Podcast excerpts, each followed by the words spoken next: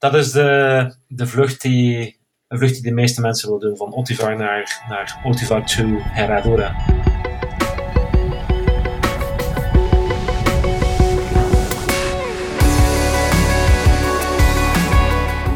Hi, leuk dat je luistert naar Paragliding Vliegpraat, de podcast waar het alleen maar gaat over paragliden en alles wat daarbij komt kijken. Ik ben Haro Brouwer en elke aflevering praat ik met één of meerdere gasten over deze fascinerende sport. Maar voordat je naar deze vierde aflevering gaat luisteren, wil ik me even richten tot jou, de luisteraar. Want ik moet je zeggen, het was best een gok toen ik besloot een Nederlandstalige podcast te maken over een sport, nou ja, waar relatief maar heel weinig Nederlanders aan doen.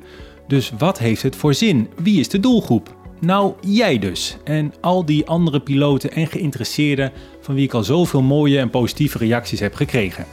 Nog maar net van start en vele honderden downloads verder kan ik alleen maar concluderen dat veel paragliders geïnteresseerd zijn in ervaringen uit de lucht van andere piloten.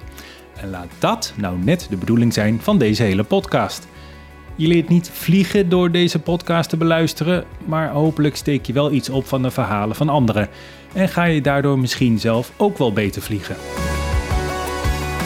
Alle toffe reacties, de ideeën, de feedback stimuleren mij om nog meer afleveringen te maken. Want mag je best weten, het kost een bak tijd bij elkaar. Dus dan is het fijn als je trouwe luisteraars hebt. Nieuwe afleveringen zijn in productie, ook dankzij tips die ik kreeg. Sommige afleveringen zullen meer inhoudelijk zijn, maar de nadruk blijft liggen op jullie ervaringen, jullie verhalen en jullie tips aan andere piloten. Dus blijven vliegen als het weer kan, blijven leren, blijven genieten.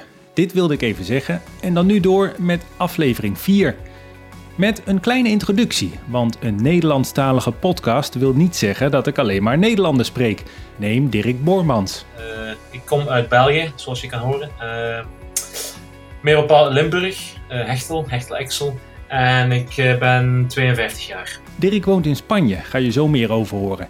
Door de afstand was het een online gesprek. En dat betekent wel iets voor de geluidskwaliteit van het interview. Die is niet helemaal wat je gewend bent. Maar hopelijk maakt het verhaal van Dirk alles goed. Want hij woont niet alleen aan de zonnige zuidkust van Spanje, hij organiseert er ook vliegvakanties. Van je hobby je werk maken. Hoe gaaf klinkt dat? Hoogste tijd om te beginnen met aflevering 4. Leven van paragliding in het buitenland, deel 1. Ik begin elke podcast met elke gast eventjes met vijf korte vragen. Mag je ook kort antwoord op geven? Hm? Uh, in welk jaar maakte je je eerste solovlucht? 1991. Een normaal harnas of een lichtharnas? Uh, nu een lichtharnas. In welk land wil je nog eens vliegen? Uh, oef, ehm, Frankrijk. Wat is je favoriete startmethode? Rugwaarts. Een groepsdier of een solist? groepsdier. Ja, omdat ik eigenlijk mijn mijn beroep is ook mijn, ja, uh, mijn manier van vliegen ge, uh, geworden, omdat ik eigenlijk gids ben. Ben ik meer en meer gaan vliegen met mensen, omdat ja, paragliden normaal gezien is een individuele sport. Maar omdat ik zoveel gids, heb ik meer geleerd met andere mensen samen te vliegen. Dus uh, in die zin, ik vlieg ook wel graag alleen, maar ik moet zeggen, uh, als je iets doet met meerdere mensen, dan heb je ook uh, ja, meerdere informatiepunten waar je kan zeggen van hoe, hoe zit het bij jou, was het de wind, was het de wind bij jou of, of, of iemand loopt, vliegt achter je of voor je, dan heb je al meer informatie. In die zin is het interessanter, ondanks het feit dat ik de, mijn beste, betere afstanden toch alleen gevlogen heb. ja, ja, ik snap het. Ja. Uh, Dirk, we gaan het zo meteen hebben over Hotel California Spain. Want mhm. dat is het hotel wat jij uh, bedrijft in, in Spanje. Ja. Voor de luisteraars. Ik ken Dirk niet. Ik ben via via bij hem terechtgekomen. En ik vond het gewoon super fascinerend hoe je überhaupt in het buitenland een, een, een paraglidingbedrijf kan opzetten. En daar ook nog van kan leven. En dan ook nog zo lang uh, in een bepaald land. Hè. Je zit al, uh, nou ja, 25 eh, jaar, ja, 25 jaar in, in Spanje. Ja. Dus het was al genoeg reden om elkaar te spreken. En bovendien heb jij ook ervaring met instructie. Ja. Je bent instructeur in Frankrijk, Spanje en in België. Dus ik ben erg ook benieuwd zometeen naar verschillen waar je misschien over wat dingetjes over kan toelichten. Mm -hmm. Maar laten we eventjes beginnen met het begin. Ehm, hoe, hoe, ben jij in aanraking gekomen met, uh, met paragliden? Uh, via delta vliegen. Ik wou eigenlijk altijd leren vliegen en ik heb toevallig toen ik uh, in Leuven aan het studeren was, enkele mensen getroffen die gingen vliegen, gingen delta vliegen in Oostenrijk uh, ging een beginnerscursus doen. En heb ik gezegd van oké, okay, ga ik mee. Dus uh, hoogste stage, uh, Spitaal in Pirin en dan Italië, Castelluccio di Nordica. En dan heb ik daar mijn eerste contact gehad met paragliden. Ik was toen, denk ik, 2021. in die tijd hadden we nog geen auto.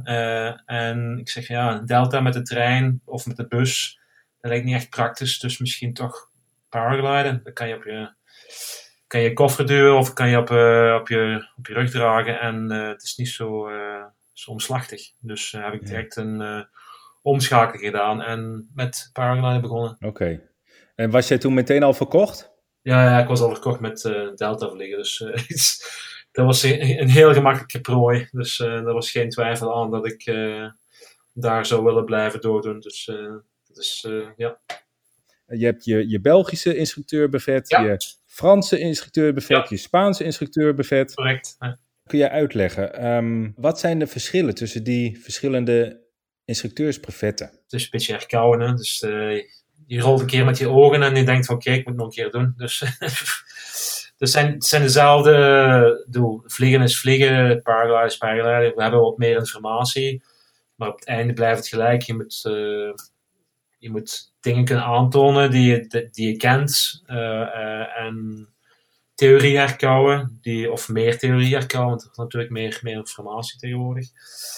En uh, ja, praktisch ja, hetzelfde. Ja, vliegen met, met, met piloten, tandempiloten, ook, ook belangrijk en kunnen lesgeven aan, aan beginners uh, aangevorderde en ook dingen kunnen uitleggen. Dus in principe is het hetzelfde, maar men probeert ook zo'n beetje meer Europees te, te, te, te, egaliseren, dat men niet te grote verschillen heeft tussen verschillende landen. En blijkbaar, uh, toen ik mijn toen naar Frankrijk ben gegaan om mijn Frans brevet te halen, hebben ze ook gezegd van kijk, je hebt eigenlijk al voldoende aangetoond met je, met je papierwerk dat je cursus gevolgd hebt in Spanje en in België en dat van Spanje vooral, omdat daar toch tien dagen waren.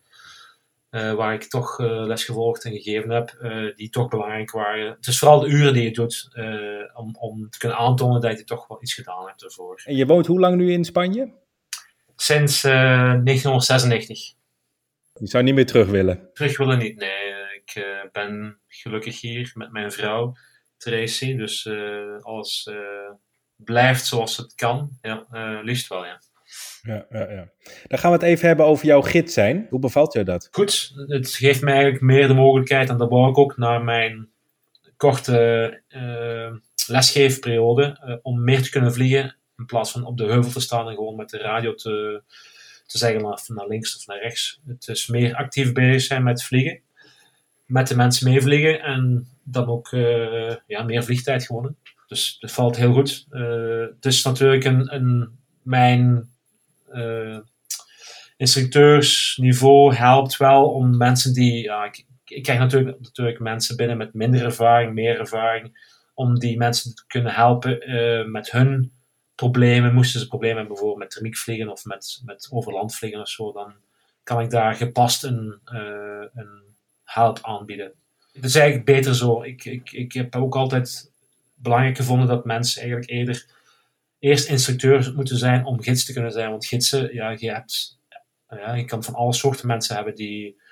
Sommige mensen hebben wel meer ervaring, sommige mensen hebben 100 uren, sommige mensen 50 uur, sommige mensen hebben 1000 uren. En dat is een heel grote waaier van verschillende niveaus. En als, als gids, als monitor heb je eigenlijk alle stages al gedaan. Uh, die mensen heb je eigenlijk allemaal begeleid. Of, of, of uh, in die zin heb je eigenlijk alles al onder de knie. Even los van corona, maar hoeveel groepen op jaarbasis ontvang jij zoal? Wel, ons hotel, uh, Tracy en ik, die werken, we werken samen een ja, jaar door. Dus we hebben eigenlijk, uh, we sluiten eigenlijk nooit, want we kunnen in principe als het niet regent, zoals vandaag, vliegen wij bijna elke dag. Dus wij ontvangen groepen van eigenlijk van september tot juni. Juli en augustus blijven de mensen meestal weg omdat het te warm is gewoon. Ja, ja. Wat voor gastheer ben jij? Ja, zal je, ik zal mijn, mijn uh, dagplanning eens uh, uh, zeggen. Dus s'morgens rond een uur of 7.30 sta ik op. Ga ik naar de bakker om brood te halen voor de klanten. Om 9 uur stond ontbijt. de, afhankelijk van de grootte, soms heb ik twee, soms heb ik vijf, soms heb ik tien. Als het echt een club of een school is, heb ik 15, maar dan heb ik nog extra hulp. Dan uh, ontbijten die mensen, uh, die piloten.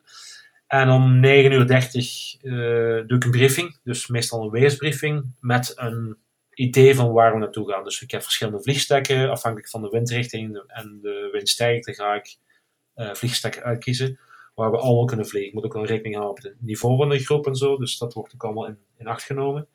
En om tien uur vertrekken we met de huurwagens, want ik heb geen minibus, met de huurwagens van, uh, van de klanten naar de vliegstek. Uh, en dan gaan we vliegen tot het op is, tot het gedaan is. En dan komen we s'avonds terug. Dat is meestal om een uur of zes, zeven. Tracy kookt dan ook voor de groep of voor de, klanten. En wij eten dan, zij eten dan. Ik eet meestal samen met mijn vrouw uh, apart. Dan wil ik waarschijnlijk wel apart willen uh, praten. En dan uh, rond een uur of uh, 8, 9 is de bar open. En dan sta ik achter de bar tot een uur of 12, 1 s'nachts. Dan ga ik naar mijn bed. En dat, en dat soms dag in dag uit? Dat is meestal zeven dagen per week. En dan meestal zijn het dan vijf, zes weken aan een stuk. En dan na vijf, zes weken is mijn pijp een beetje uit. Dan heb ik wel een paar dagen rust nodig, ja.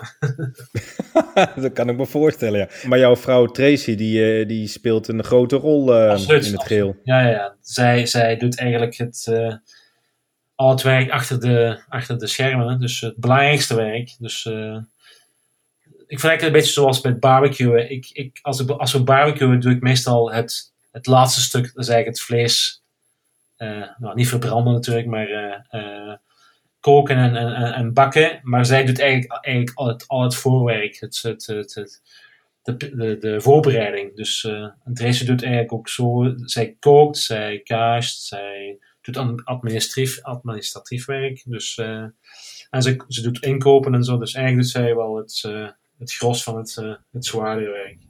Ik ga vliegen. Ja, en dat is natuurlijk fantastisch dat jij gaat vliegen, maar soms ga je vliegen met een groep waarbij je misschien wel bij binnenkomst denkt, nou, hoe, hoe, hoe ga ik hier de week mee doorkomen? Of heb je dat nooit? Ja, jawel, jawel, jawel, dat gebeurt af en toe wel. Mijn vrouw, mijn vrouw weet het meestal wel als ik mijn ogen rol als ik binnenkom of zo. Uh, dus uh, dan, ja, afhankelijk van, van, van de groep. Uh, het voordeel is wat ik, dat wij eigenlijk, als ik mensen als ik mensen heb, eh, zij moeten meestal een formulier invullen. Ze moeten een formulier invullen met hun ervaring, met, met hulpcontacten en zo, met hun verzekeringspapieren en zo. Dat ik op zijn minst weet wat ik voor, voor vlees ik in de kuip heb. En dan, maar dat wil niet, niet zeggen dus dat op ter plaatse of dat inderdaad ook zo is. Meestal mensen zeggen ja, ik heb 20 of 30 uren, maar het blijkt dus dat ze eigenlijk minder uren hebben. Of ze hebben 20, 30 uur gevlogen over 10 jaar. Dan dan vlieg je met twee uur per jaar. Dan moet ik mijn, mijn, uh, ja, moet ik zeggen, mijn, mijn programma aanpassen aan hun niveau.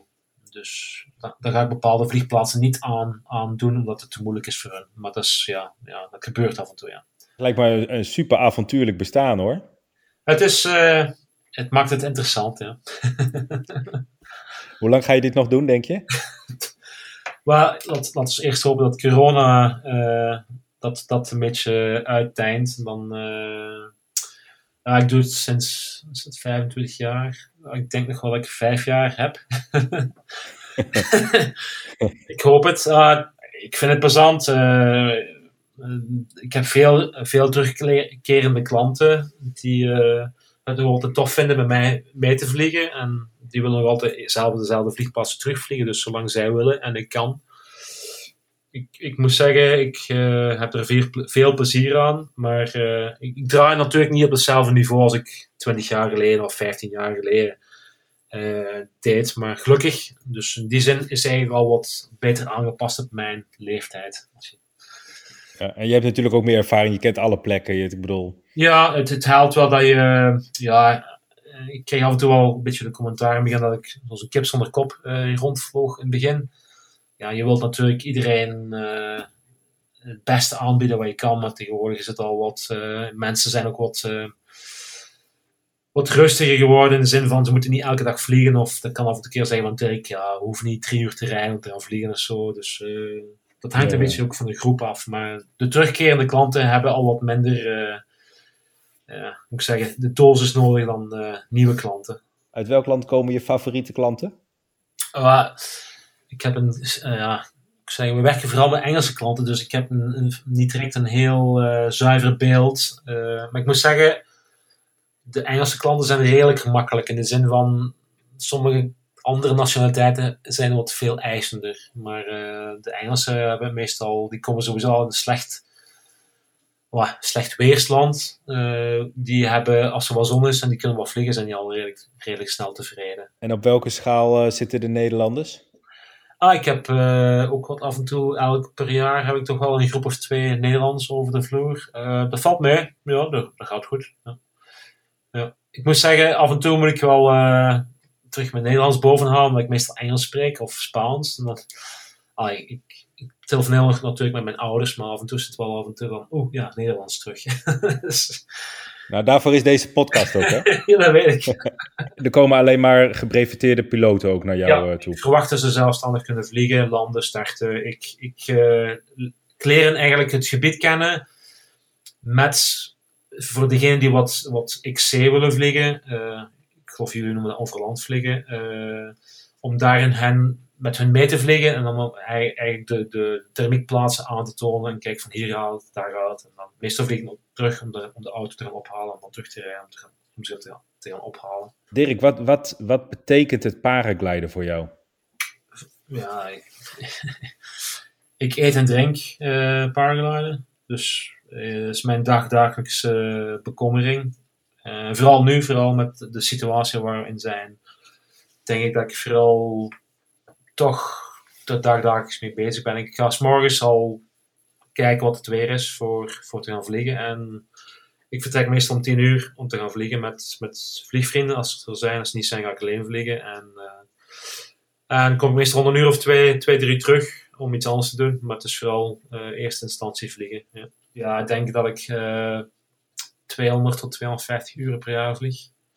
Dus eh, Je krijgt er geen genoeg van. nee, het, is, het is een, eh, blijft een uitdaging. Hè? Het, is, is, ja, noem de verslaving als je het wil. Ehm, ik vind dat ik er altijd iets kan bijleren. Eh, mensen die komen vliegen, die willen leren. En zolang je beter bent als degene die komt vliegen, dan. En ik vind dat je dat moet onderhouden. Dus ik, ik vind soms ook meer genoegdoening dat ik mijn niveau kan behouden. Want het is, het is gemakkelijk van zeggen, ja, ik vlieg een maand of twee niet. En je voelt toch het verschil. Niet meer eh, up-to-date eh, als in het begin. Dus in die zin is En, en- wat voel je dan als je twee maanden niet gevlogen hebt? Wat, wat, wat miste dan voor jou? Ja, finesse. Dus ja, het gevoel, bepaalde dingen die toch wel wat meer tijd vergen. Bijvoorbeeld, normaal gezien als ik start, probeer je toch altijd de eerste thermiek te nemen, dat je weg bent direct. En dan meestal is het tweede thermiek, dan is al eh, niet direct het, het fijne eruit halen. Of wat langer tijd nodig hebben om, om, om boven te geraken. Of ja, niet het ja, vingerspitsengevoel. ik weet niet. Ja, ja, ja. Nee, maar eh, ze zeggen hier wel eens eh, fietsen, dat verleer je nooit. Hè? Je kan twee jaar niet op een fiets zitten en je, je stapt er weer op en het gaat weer als van oud. Ja. Ehm, maar, maar, maar toch met, met het vliegen, dat, dat moet je echt bijhouden, zeg je. Ja, ja ik, ik, ik zou het niet, eh, niet aanraden om daar eh, een, eh, een vergelijking te maken. Eh, met fiets, eh, als je toevallig mistrapt, en het is maar één meter, hè? met vliegen is het wel meer. Je zegt van ja, je wil toch altijd ook blijven bijleren. Wat Ja. kun jij jezelf bijleren? Wat doe je dan? Voor mijzelf, ik, eh, ja, goede vraag. Ik, eh, mijn, eerst vooral het niveau behouden. En dan ten tweede beter leren het weer inschatten. Je kan nooit genoeg leren over het weer. Eh, zelfs een voorspelling die, die niet helemaal juist is, dat je toch waarschijnlijk het maximaal eruit kan halen van die dag. Dat je vindt dat je eigenlijk toch nog iets langer had kunnen doorvliegen en dan eh, of iets hoger kunnen, had kunnen, kunnen doortremikken. Die zin dat je altijd wel iets kan, eh, beter doen, dan. Dus er, er is altijd wel iets, iets dat, dat nieuw is, dat je zegt van, oh, dat heb ik niet geprobeerd. Of iemand die iets toont dat je zegt van, ah, daar had ik nog nooit aan gedacht. Bijvoorbeeld, vorige week waren we aan het vliegen en iemand vloog een compleet verschillende routing. Ik zeg van, oh, interessant. En die zin dat je zegt van, ah, ik kan toch, toch nog altijd iets bijleren. dus ja, altijd ja, openstaan voor nieuwe, nieuwe ideeën of nieuwe, nieuwe zaken. En is dat dan moeilijk voor jou? Want ik bedoel, je zegt, hè, ik ben, ben de gids, ik moet toch wel, als het even kan, iets beter zijn dan de rest. Is het dan uh, heb, je, heb je daar moeite mee om dan te leren van anderen? Nee, het... nee helemaal niet. Nee, nee, absoluut niet. Ik, uh, ik ben waarschijnlijk uh, een tegendeel. Ik ben graag open tot nieuwe dingen. Of mensen zeggen van, oké, dit misschien, dat misschien, zolang het mogelijk is. Niet dat men bepaalde onmogelijke dingen vraagt, als het niet vliegbaar is bijvoorbeeld. Ja. Maar ik vlieg ook maar met een gewone B-scherm. Ik, ik, ik, heb ik heb mensen die komen met een C-scherm of een D-scherm of zelfs met een CCC-schermen, die, dat, ik, ik, kan die gewoon niet bijhouden bij mijn scherm. Maar ik heb er ook geen problemen mee. Ik zeg, jongens, uh, met een D-schermen, je vliegt maar, ik, ik, kom, wel, ik kom wel na. als ik kan volgen. Ik, ik, kom wel iets later. ik heb daar geen problemen mee hoor. Nee, helemaal, helemaal niet. Als men, uh, zoals ze zeggen, als ze mij eruit draaien, oké, goed voor hun. Geen, ik heb daar geen problemen mee. Ik heb absoluut daar geen problemen mee. Waarom vlieg je in een B-scherm, Dirk? Uh, ik, om, omdat ik heel veel met mensen in de lucht aan het praten ben. Soms heb ik uh, zes, zeven mensen tegelijk uh, die, die bezig zijn aan het vliegen. En soms moet ik met mensen informatie geven. Soms heb ik zelfs twee radio's, omdat ik ook Engelse piloten heb, of Franse piloten, of Duitse piloten. Dan zijn het drie radio's. Dan ben ik nog redelijk veel bezig met informatie te geven en minder met vliegen. En met een B-scherm kan ik dat mij meer permitteren met een C of een D-scherm, is dat al wat moeilijker. Plus, ik heb dat ook geen behoefte direct aan om een D of een C-scherm te vliegen hier. Dus dat is niet direct. Eh, ja. Jij doet veel aan overland vliegen, hè? XC vliegen. Ja. Wat voor afstanden vlieg jij? Wel, ik, uh, het hangt er vanaf wat, wat, wat voor beeld heb jij met, met overland vliegen. Want sommige mensen denken van dat hier, uh, hier is het natuurlijk niet zo gemakkelijk als zoals bijvoorbeeld in laten we zeggen in waar het uh, één heuvel is en dan je vliegt de kam af en dan ga je in, in het vlakke land vliegen en dan ga je, zoals ze zeggen, IFC vliegen, I follow cloud, thermiek of thermieke en, en, en XC vliegen in, in hier in, de, in het gebergte is al direct niet zo gemakkelijk en men kan niet direct 200, 300 kilometer vliegen, het is meestal 20 kilometer, 30 kilometer, misschien 10 zelfs, of of een uit en terug. Uh, dus dat is ook onmogelijk. Dat zijn kleinere afstanden, maar wel belangrijker in de zin van dat je toch liefst niet zou buitenlanden. Dan ga je wel moeten, lang moeten stappen. Dat zijn geen wegen. Ja, klopt. Daar weet, daar weet ik iets van, want jij zat op mijn eh, site te kijken en je herkende meteen de plek waar ik gestart was, hè? Ja, ja, Logga. Ja, Logga, ja. Dat is nog met, ja. met de CTR van, van Granada daar ook nog erbij, dus in die zin is het overland vliegen of het XC vliegen wel wat moeilijker in dit gebied. Je hebt dus eh, de, de luchthaven van uh, Granada. Ja. Je, als je van Loja start en je vliegt richting oosten, dan zit die knal in het luchtruim van Granada. Ik denk niet dat de, nog de civiele luchtvaart, nog de militairen daarmee gelukkig zullen zijn. Ehm, dan heb je nog de TMA van Sevilla, die zit ook nog daartussen. Uh, het zijn er redelijk wat uh, ingewikkelde toestanden, dus je kan niet zomaar met toestemming, niet, niet van de civielen, van de militairen kan je toestemming krijgen dat je wel mag, maar je uh, moet er een beetje mee opletten. Ik denk dat, dat het uh, bij Loga, gelukkig is dat een redelijk vlak terrein in, richting westen, buiten de linkse kant natuurlijk, daar kan je richting aan de Lachis vliegen. er is wel wat meer mogelijkheid om buiten te landen. Het gebied waar ik vlieg, dat is uh, Ottivar, is niet zo uh, ik landvriendelijk. Er zijn bepaalde plekken waar je beter niet kan landen. Je kan wel landen, maar je hebt daar geen mensen die je komen ophalen en wegbrengen. Dan ga je wel moeten lopen, denk ik. Ik snap het, ja. ja. Nou, wij zijn um, afgelopen jaar daar niet geweest. Het jaar daarvoor wel bij Ottivar. Iedereen wilde graag de O2A maken, maar het is het is uh, niemand uh, gelukt, maar dat was wel eventjes Ah, Ja, eventjes, eventjes goede attentie zeg maar bij de landing eh, ja, ja. op, Jullie, het, op het parkeerveldje. ah, je, je kent de O2H. Ah, Ik ken eh, de intentie, maar we hebben nog niet kunnen vliegen. ja, dus eh, dat is de, de vlucht die, eh, ja, die nu wat gemakkelijker is dan vroeger. Maar dat was inderdaad een, een, eh, een vlucht die de meeste mensen willen doen. Van Otivar naar, naar Otivar to Herradura. De kust. Ja. Hoe vaak heb jij hem gevlogen, Dirk? Ik, eh, ik moet meestal terugdraaien en ik moet de auto gaan halen. Dus eh, ja, het is, het is speciaal. Het is, het is iets wat ik denk dat mensen aanspreekt, omdat je eigenlijk toch eigenlijk voor, voor een half uur of een uur moet knokken om boven te blijven. En dan kom je op een bepaald moment, ik ben aan de kust en dan heel hoog en dan heel op het gemak en dan zonder eh, enige bumpy stuff kom je dan binnengeland op het strand en dan kan je een pint bier drinken of eh gamba spielpiel eten. Dat is wel eh ja, ja, mooi. Ja. Ja, fantastisch. Ja. Ja. Hoe ga jij in het, want dat is natuurlijk wel een belangrijk onderdeel, wordt ook wel eens al eh, onderschat. Mensen vinden het soms moeilijk om erover te praten, maar hoe ga jij om met, met, met angst in het vliegen? En, en heb jij angsten in het vliegen? Moet eerlijk toegeven, ik heb af en toe wel een keer eh, bang in de lucht ben, maar eh, ik denk dat we, zoals de meesten, daar eh, bepaalde hulpmiddelen bij hebben. Ehm, er zijn ademtechnieken volgens mij, er zijn ook goede redeneringstechnieken.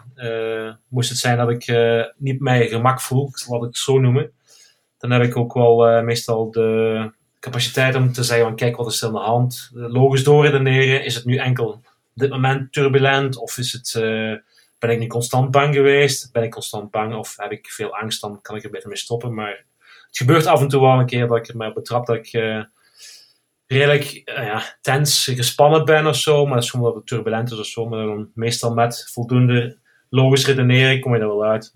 Dan, moet je weer door. Maar als het echt te gortig is of je vindt, ja, het is niet mijn ding dan ga ik gewoon terug naar de start en ga ik landen. Of ga ik landen op het landensterrein. Of als het echt moet, ga ik landen waar ik moet landen. Dus, eh, het gebeurt wel af en toe, ja. Zolang het niet overheerst, eh meer een deel van je vlucht of van je vliegen, dan is het normaal. Dus, dus het is helemaal niet abnormaal, denk ik. ik. Ik geef meestal toe als ik zeg van, ja, ik vond het maar niks vandaag. Het was niet zo mijn, mijn cup of tea. Of ik zeg, ik had er eigenlijk niet, eh, ik had geen, ja, het was mij iets te, iets te gortig, dan geef ik het ook wel toe. En meestal, als je dat toegeeft, dan komen er ook wel mensen uit, uit hun eigen schelp en zeggen, ja, ik vond het niet zo plezant of zo. Dan, dan krijg je ook wel meerdere reacties. Maar als iedereen begint natuurlijk, ja, de, de big man uit te hangen, of begint, eh, dan, ja, dan komt het er niet uit. Maar ik heb daar meestal geen problemen mee om dat toe te geven, hoor. Hey Dirk, wat ik trouwens nog een leuk eh, antwoord vond bij een van mijn allereerste vragen. Ik zei, in welk land wil je nog eens vliegen? En toen zei jij Frankrijk. Ik vind het heel tof van. Ik wou eigenlijk wonen en werken in Frankrijk.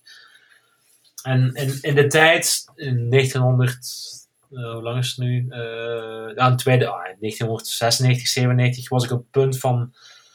Ik had toen ook veel stage gelopen in, in Frankrijk om daar ergens mee te huisvesten, eh, te gaan wonen en werken. Maar ja, de Fransen waren al redelijk protectionistisch in hun aanpak van andere mensen die wouden komen werken en wonen in, in, in Frankrijk. Dat is wel een beetje veranderd met de Europese gemeenschap en zo, maar in die tijd was het niet zo gemakkelijk. Dus het was moeilijker om daar binnen te geraken.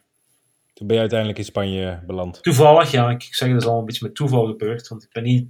Ik heb nooit gezegd van ik ga naar Spanje nu, ik ga daar eh, een hotel kopen, iemand trouwen en dan eh, ga ik vliegen. Dus dat is eigenlijk meer een prospectiereis geweest met een interesse om te kijken of we hier kunnen vliegen in de winter. De club van in België. Maar dat was niet zo van, ja, ik ga hier wonen of weg. Ik, ik, ik, heb eigenlijk hier eh, mijn vrouw leren kennen en dan ben ik blijven plakken eigenlijk. zeg, en als je nou zo terugkijkt, het, komt gewoon wel een beetje in de buurt of van een, van een jongensdroom, of niet? Ja, ja, ja, ik had het niet kunnen. Dromen had ik het niet kunnen. Nee, dat is, eh, achteraf bekeken is het wel. Ja.